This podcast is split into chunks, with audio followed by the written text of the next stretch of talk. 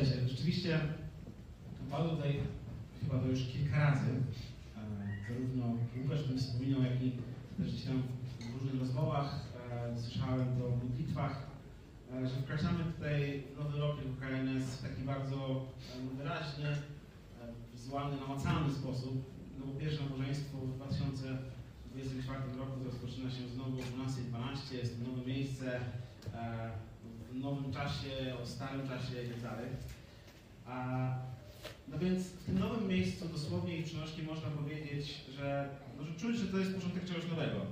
Nie wiemy jeszcze w zasadzie czego nowego, w takim sensie, no jak e, długo nam się tutaj uda zostać i czy będziemy tutaj dobrze współpracować wszyscy ze sobą.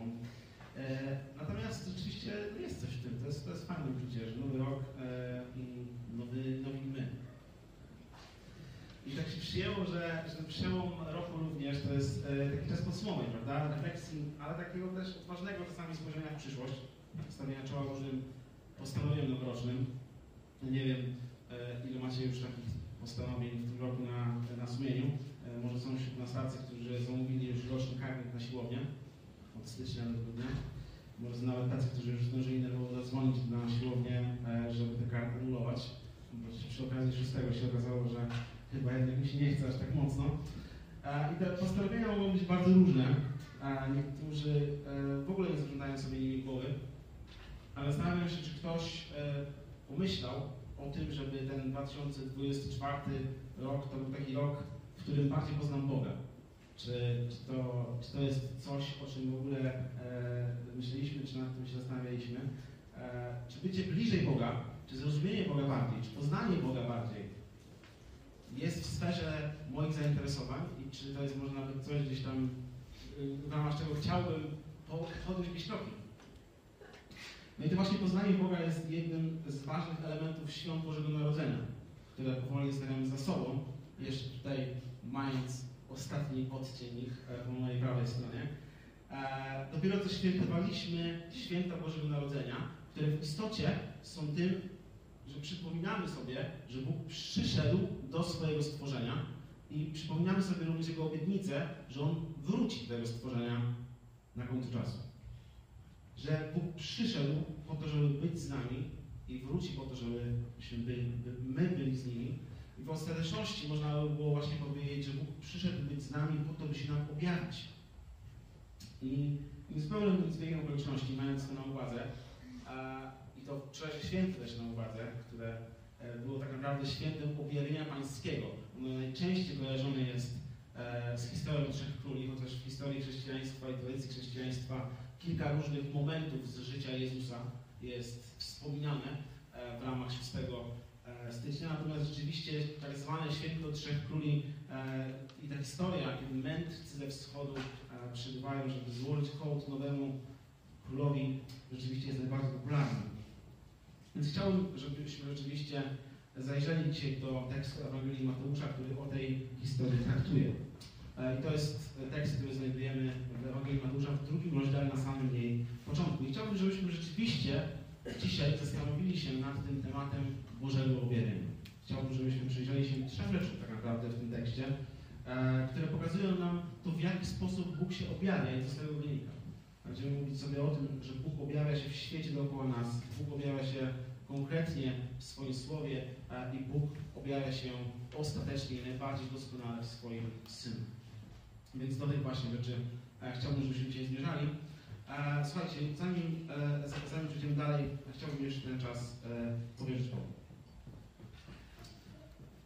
Ojcze, tak pragnę Cię prosić o to, żebyś e, Ty nas teraz prowadził, żebyś Ty otwierał przed nami swoje słowo, żebyś Ty pozwalał mi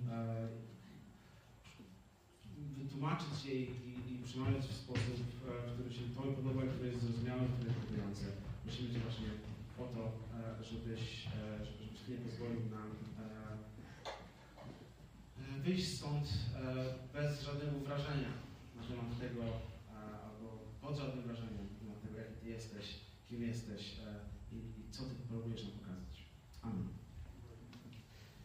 No więc rozpoczynamy Ewangelię Mateusza, znaczy, jeżeli byśmy ją rozpoczęli e, czytać, no to Mateusz e, przedstawia Jezusa jako wyczekiwanego, obiecanego i zapowiedzianego Mesjasza Króla. który jest Mesjaszem królem z rodu Dawida i Mateusz poświęca temu bardzo dużo czasu na początku swojej Ewangelii. Jezus jest Bożą odpowiedzią na problem grzechu według Niego, z którym zmaga się ludzkość.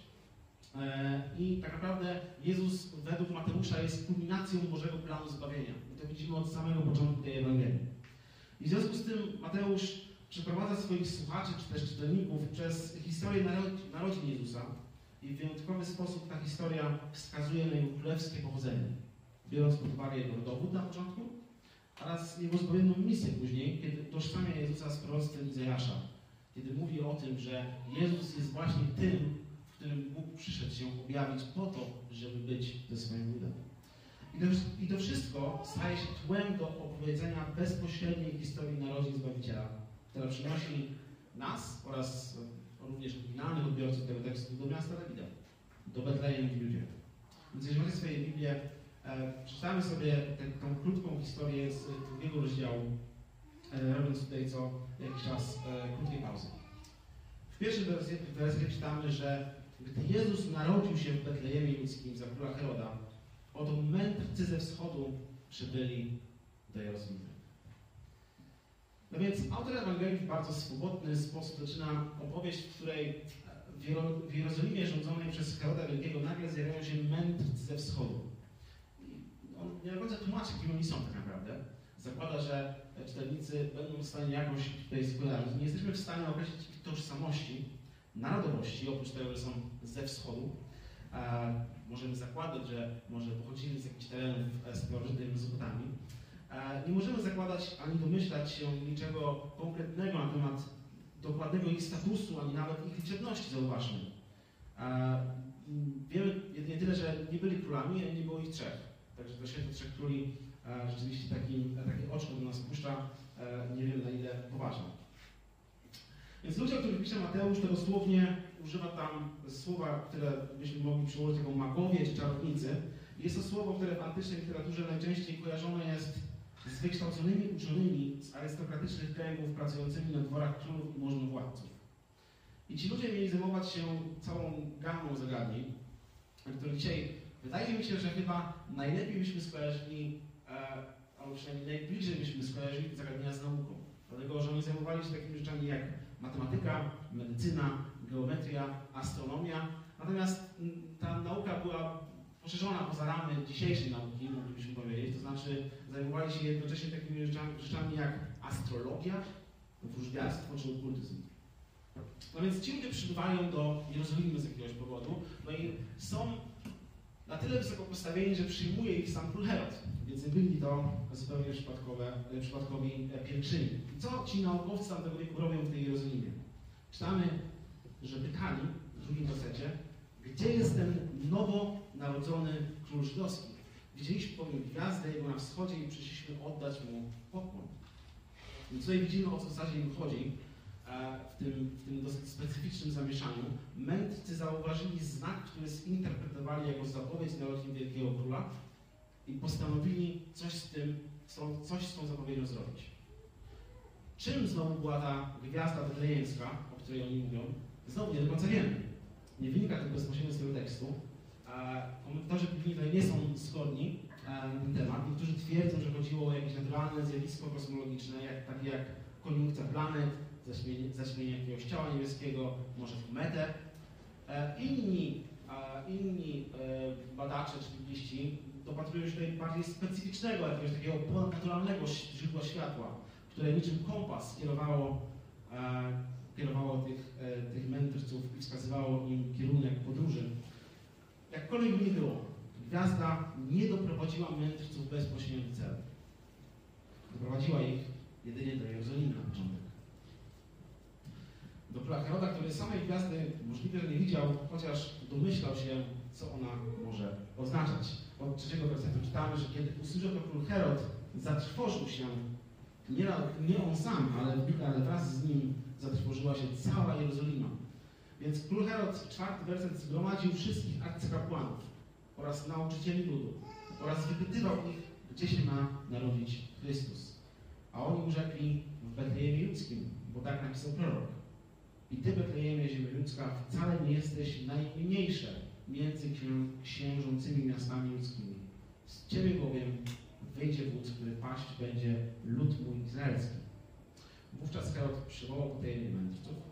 Dokładnie dowiedział się o, od nich o czasie pojawienia się gwiazdy. I posłał ich do Betlejem i rzekł, idźcie, dokładnie się dowiedzcie o dziecięciu, a gdy je znajdziecie, donieście mi, abym ja poszedł oddać mu pokłon.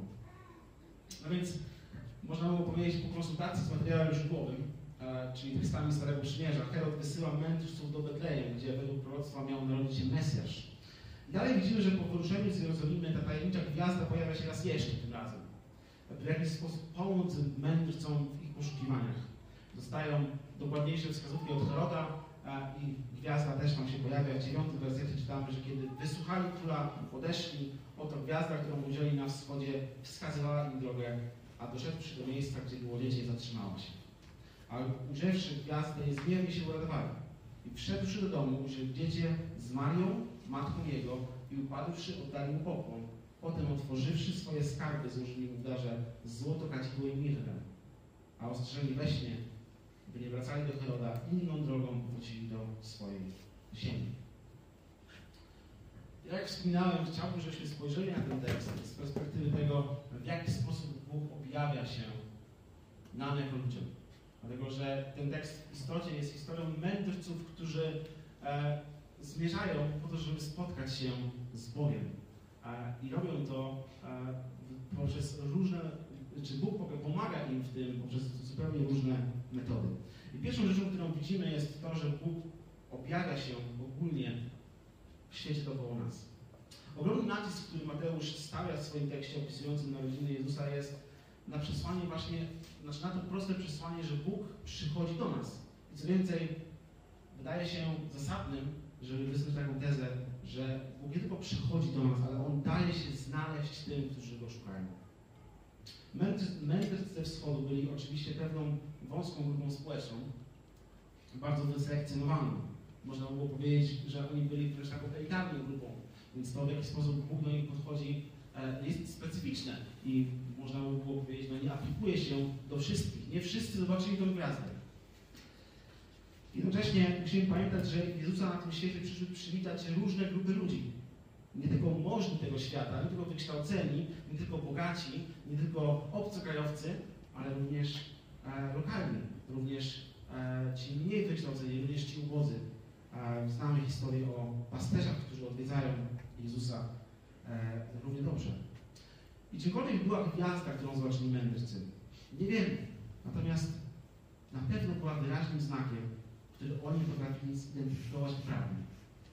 Grupa wykształconych światłych ludzi z wyższych sfer, posiadająca środki finansowe i logistyczne do prowadzenia swoich badań, zauważyła, że świat próbuje im coś zakomunikować.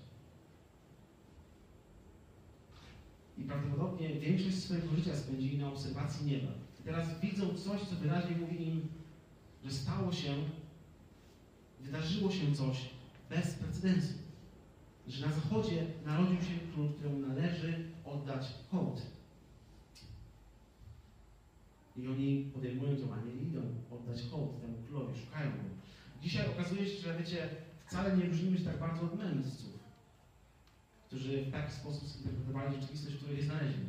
Dlatego, że my żyjemy w świecie, który z jednej strony jest przerażający, jest pełen zła, jest pełen cierpienia spowodowanego ludzkim grzechem. I myślę, że e, te czasy, w których żyjemy dzisiaj są dokładnie tego świadectwem, dlatego że naokoło siebie e, widzimy tak mnóstwo zła i cierpienia, jednocześnie przez to, że mamy dostęp do informacji z całego świata, to się okazuje, że wszystkie wojny, wszystkie tragedie i wszystkie, e, i, i, i wszystkie przestępstwa są na wyciągnięcie ręki. Te informacje, te informacje się piętrzą w naszych komputerach, telefonach i e, innych newsfeedach. Ale Ostatecznie, albo z drugiej strony, ten świat pokazuje nam w swoim pięknie skomplikowanym i majestacie, majestacie, że jest stojącym niezaprzeczalnym świadectwem na temat swojego odwiecznego Stwórcy. I mędrcy zobaczyli komunikację, która z tego świata wynikała.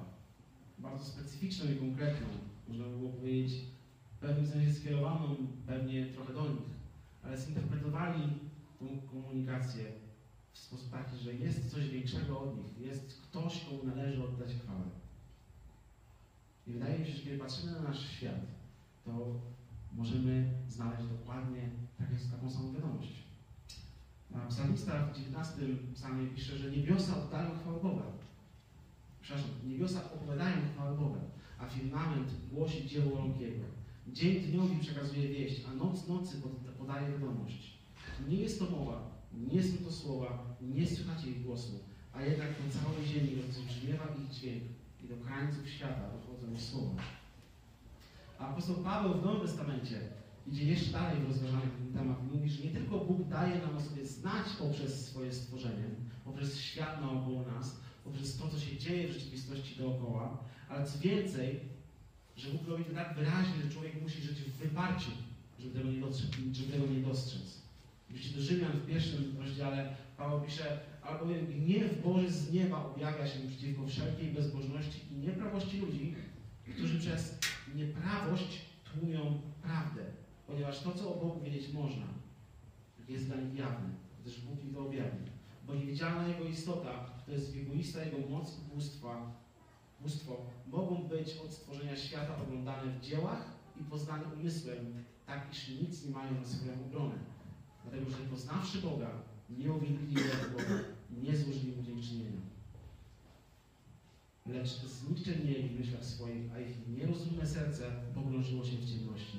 Mienili się mądrymi, a stali się Więc teraz ktoś mógł powiedzieć, no dobrze,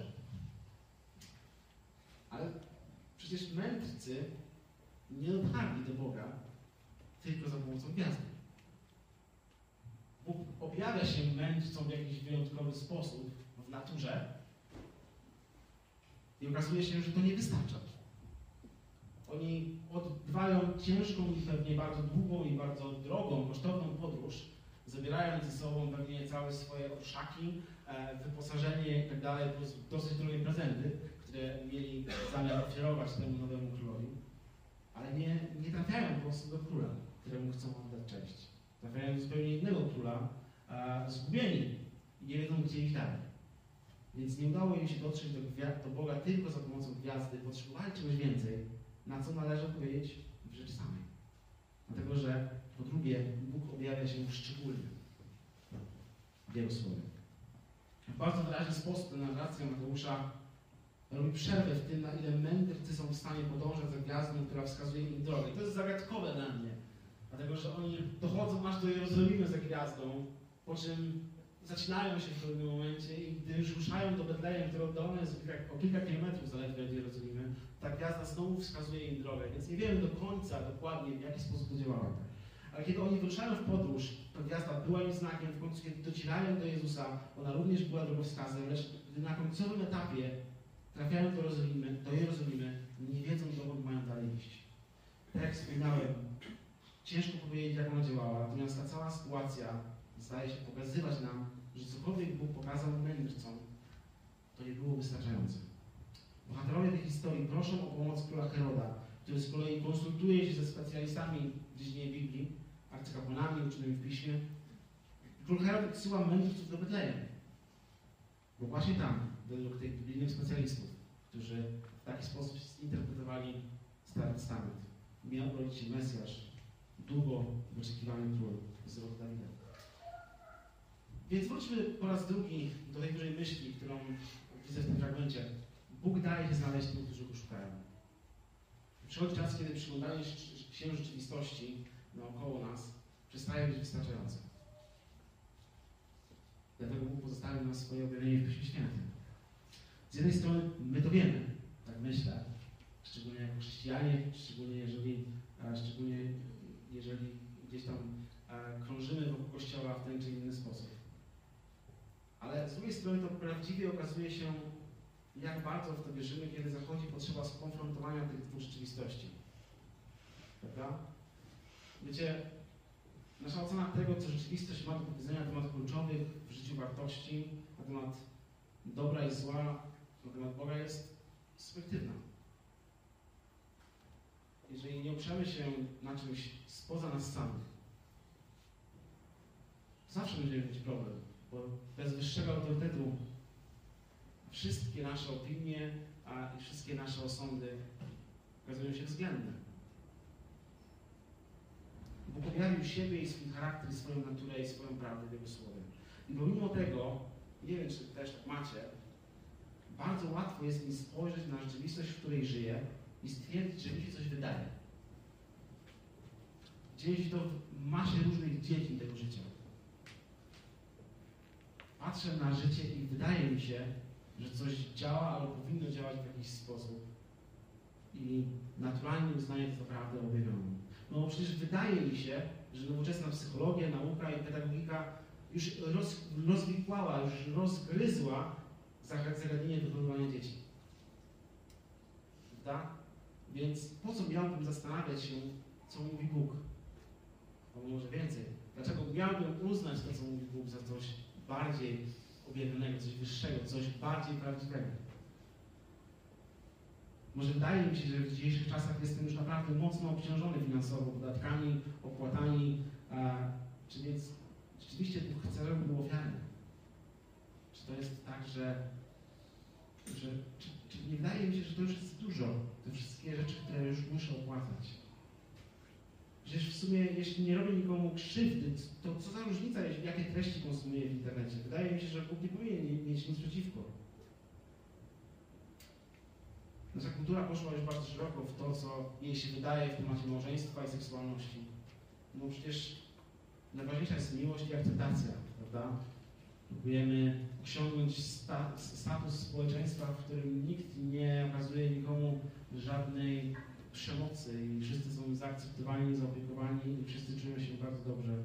Ale nikomu nie można powiedzieć niczego krytycznego.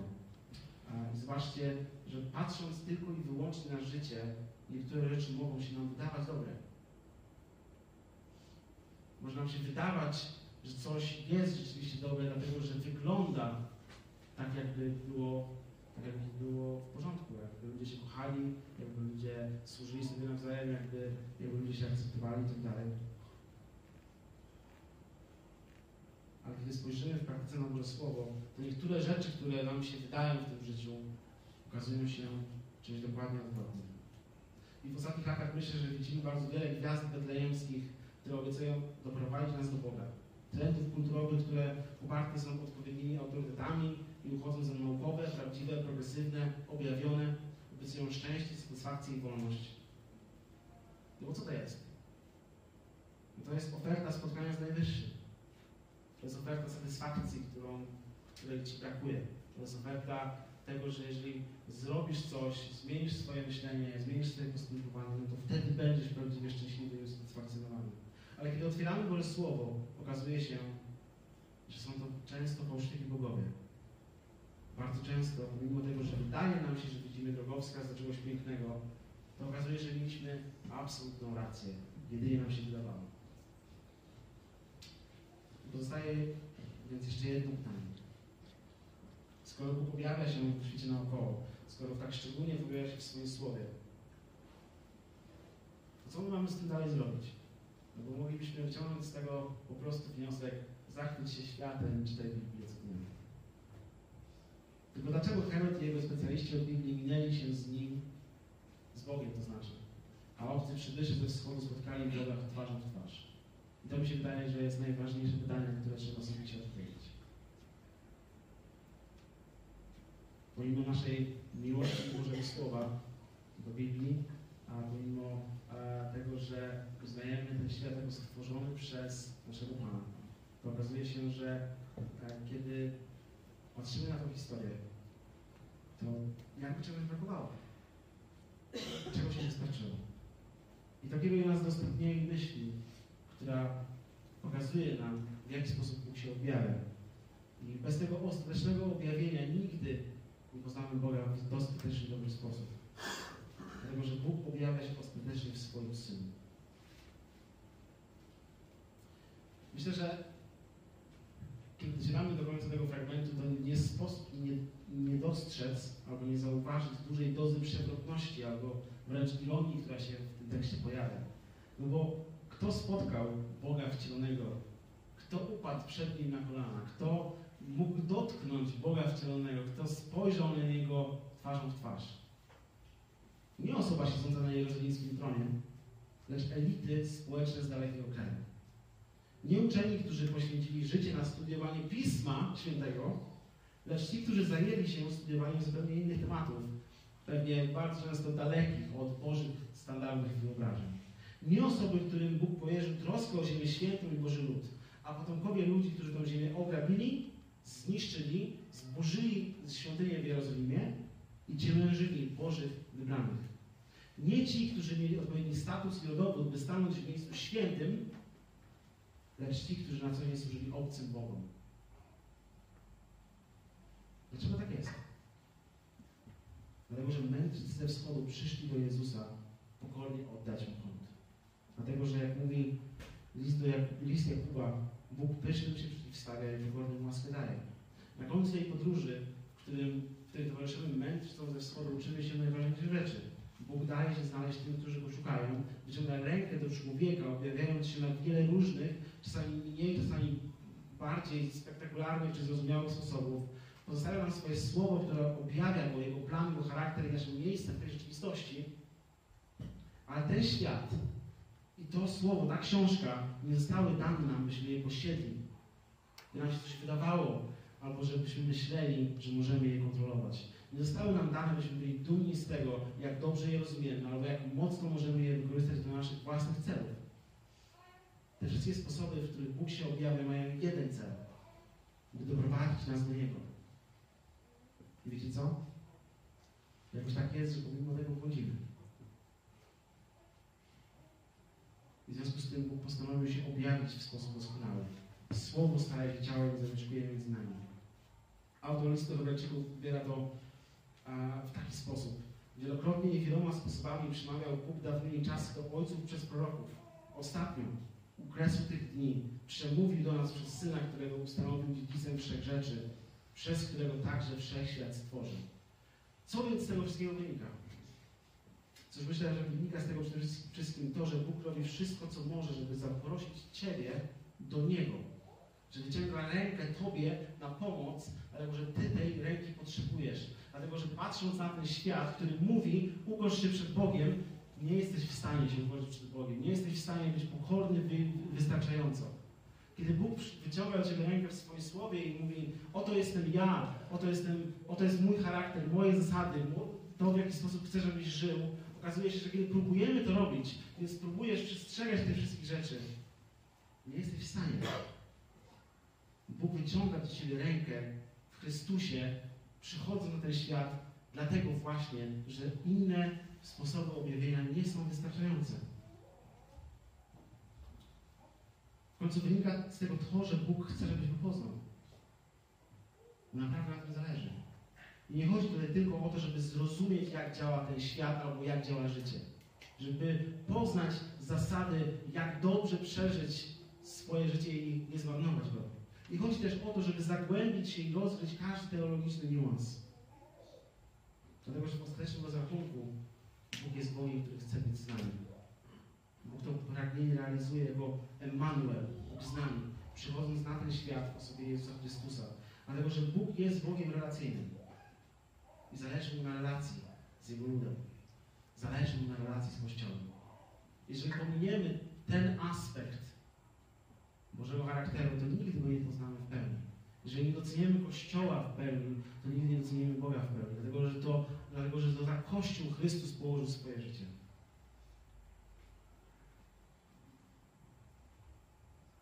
Mu zależy na tej relacji tak bardzo, że przyszedł na ten świat i nie cofnął się przed poświęceniem swojego życia i oddaniem go za Kościół. Dlatego, że ten Kościół wymaga odkupienia. I przyjaciele, ostatecznie wynika z tego to, że aby znaleźć Boga, trzeba go szukać. Trzeba spojrzeć na ten świat i rzeczywistość naokoło nas w uczciwy sposób. Trzeba sięgnąć po Boże objawienie w Jego Słowie i potraktować je poważnie. Skonfrontować to, co mówi Bóg z tym, co mi się wydaje. Obojętnie jak ciężkie czasami nie jest. I co najważniejsze, wymaga to pokory. Dlatego, że przyjść do Boga, tak jak w przypadku mędrców i bogatych darów, wiąże się z kosztami. Dlatego, że przyjście do Boga polega między innymi na tym, że ja przychodzę i oddaję Jemu moje życie. Jeśli więc wrócimy do mojego oryginalnego pytania, Czy ktoś z nas postanowił sobie, żeby rok 2024 był rokiem, w którym bliżej poznam Boga? To jeśli chcę, żeby rzeczywiście tak było, to odpowiedź jest zawsze jedna i ta sama. I w tym wypadku można by było powiedzieć, że warto wziąć przykład z mędrców. Muszę zachwycić się królem, który przyszedł na świat 2000 lat temu. Muszę zdać sobie sprawę, że cokolwiek cennego mam tutaj na ziemi, tak naprawdę należy się Jemu. Choć nie ma to wartości w porównaniu z tym, co On ma dla mnie. Dlatego warto go szukać. Dlatego On daje się znaleźć. Chciałbym, żebyśmy zakończyli ten czas e, modlitwą, ale przed tym jednym zdaniem z Księgi Izajasza, które zachęca nas do tego, żeby tego Boga szukać. Prorok, w pięć- prorok w 55 rozdziale 6 wersecie pisze Szukajcie Pana, dopóki można Go znaleźć. Wzywajcie Go, the booking